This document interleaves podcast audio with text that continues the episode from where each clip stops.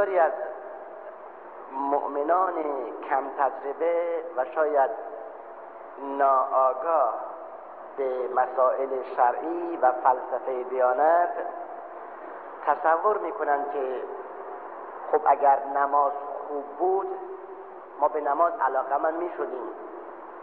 و چون مثلا میل نداریم نماز بخوانیم پس لابد نماز مفید نیست. در سایر موارد تکالیف شرعی نیز احتمالا این فکر برای بعضی مؤمنان بیاد. و اصل این مطلب خیلی مهم است. آگاهی به این فلسفه به این حکمت خیلی در شعر لازمه. موضوع از این قرار است که رابطه انسان با تکالیف شرعی به این گونه است که هر چیزی انسان به طور طبیعی از اون خوشش بیاد و از اون لذت ببرد با علاقه انجام بده معمولا آن یا کار بد جنایت یا کاری حتما شما را ببینید. حالا ولو بلیتش هزار تومان باشه یا ولو اینکه در برای دیدن اون نمایش شما ده هزار تومان ضرر کنید. مسئله نیست تحمل می‌کنید. خب دلیلش چیه؟ چون اون عمل اون دیدن به کلی ثواب نداره. به فرض اینکه گناه نباشد چون هیچ ثواب و اجری نداره به این, به این دلیل شما لذت می‌برید از دیدنش. فکر نمی کنم هیچ عاقلی هیچ متدینی گفته باشد از انجام دادن کارهای مباه کسی ثواب داره. هیچ کسی این تالا نگفته.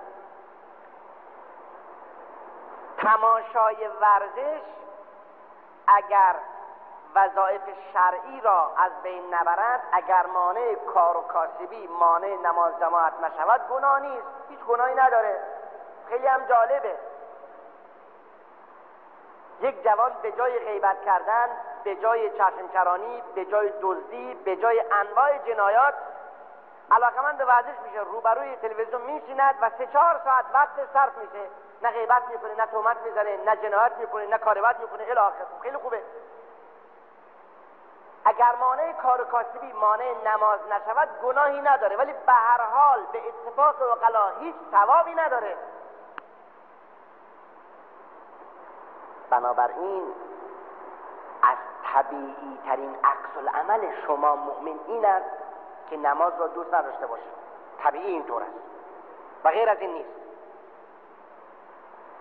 مگر معقول است که شما شما به عنوان انسان نه به عنوان مؤمن تفریح و گردش و غذا و احیانا سیگار را دوست داشته باشید و نماز هم دوست داشته باشید اگر اینطور باشد پس تفریح و سیگار و پارک و سینما با نماز نیستم میشه. امکان دارم چیزی؟ خودت فکر کن و بعد بسنج این بزرگترین توهین به نمازه که شما سینما و پارک و ورزش و نماز رو دوست داشته باشید. آقا امکان نداره. متضاده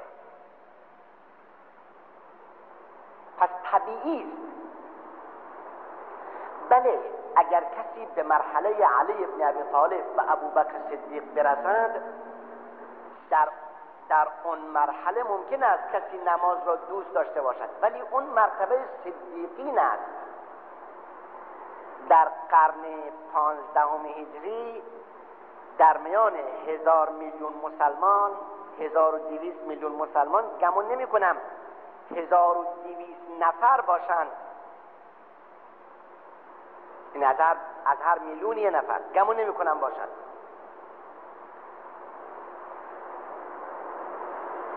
حالا حکمت و فلسفه این بحث چیست؟ فلسفه این بحث این است. که شما آقای مومن متوجه باشید هرچند نماز را به سختی و زحمت بیشتر انجام بدهید اجرت بیشتر است. هرچند شما با نفس و حوث خیش مبارزه کنید روزه را بگیرید اجر شما بیشتر است.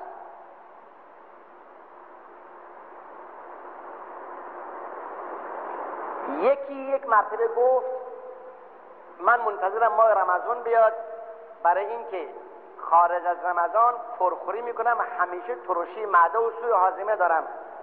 ولی از برکت ماه رمضان کاملا معدم تنظیم میشه و دیگه کلیه ترشی های معده و ناراحتی و سوی حازمه از بین میره و من در این 29 روز سی روز یه رژیم غذایی جالب می‌گیرم که هم 4 5 کیلو وزنم کمتر میشه هم خیلی غذایم تنظیم میشه. مؤمنی گفت این آقا اگر درست میگه به هیچ وجه روزش قبول نیست. درست هم گفت همونطور است. به هیچ وجه روزش قبول نیست. چون این برای تعظیم خدا برای اجرای فرمان خدا روزه نمی‌گیره. این آقا بنده شکم خودشه. می‌خواد شکمش همیشه سالم باشه که خوب غذا بخوره درد نگیره. این کار به خدا نداره. واقعا همونطور است. این کار به خدا نداره. اون که برای تعظیم خدا برای اجرای فرمان خدا برای اینکه در دفتر بزرگ امت مرحوم نامش ثبت بشود برای اینکه نماز مغربش با شکم گرسنه اجر بیشتری داشته باشد. برای اینکه در حال گرسنگی به فکر گرسنگان امت باشد. اگر برای این اهداف روزه می‌گیرد این مسلمانه. اما اگر روزه می‌گیرد که ترش نکنه سوی حازمه نگیرد بعد از رمضان غذای بیشتری با اشتهای بیشتری بخورد. این بنده شکم است. این شکم پرسته. منتها عاقل شکم پرسته زیرک شکم پرسته. می‌خواد به نحوی رفتار کنه که از غذا لذت بیشتری ببرد. نه فقط ترش کند و آروخ بزند و زحمت بکشد.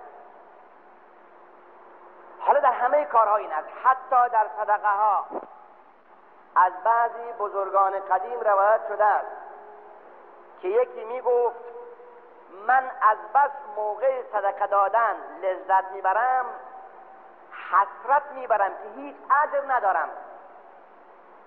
زیرا وقتی انسان در یک کار وقتی انجام میده لذت می‌برد احساس شادی فوقالعاده می‌کند اجرش کمه.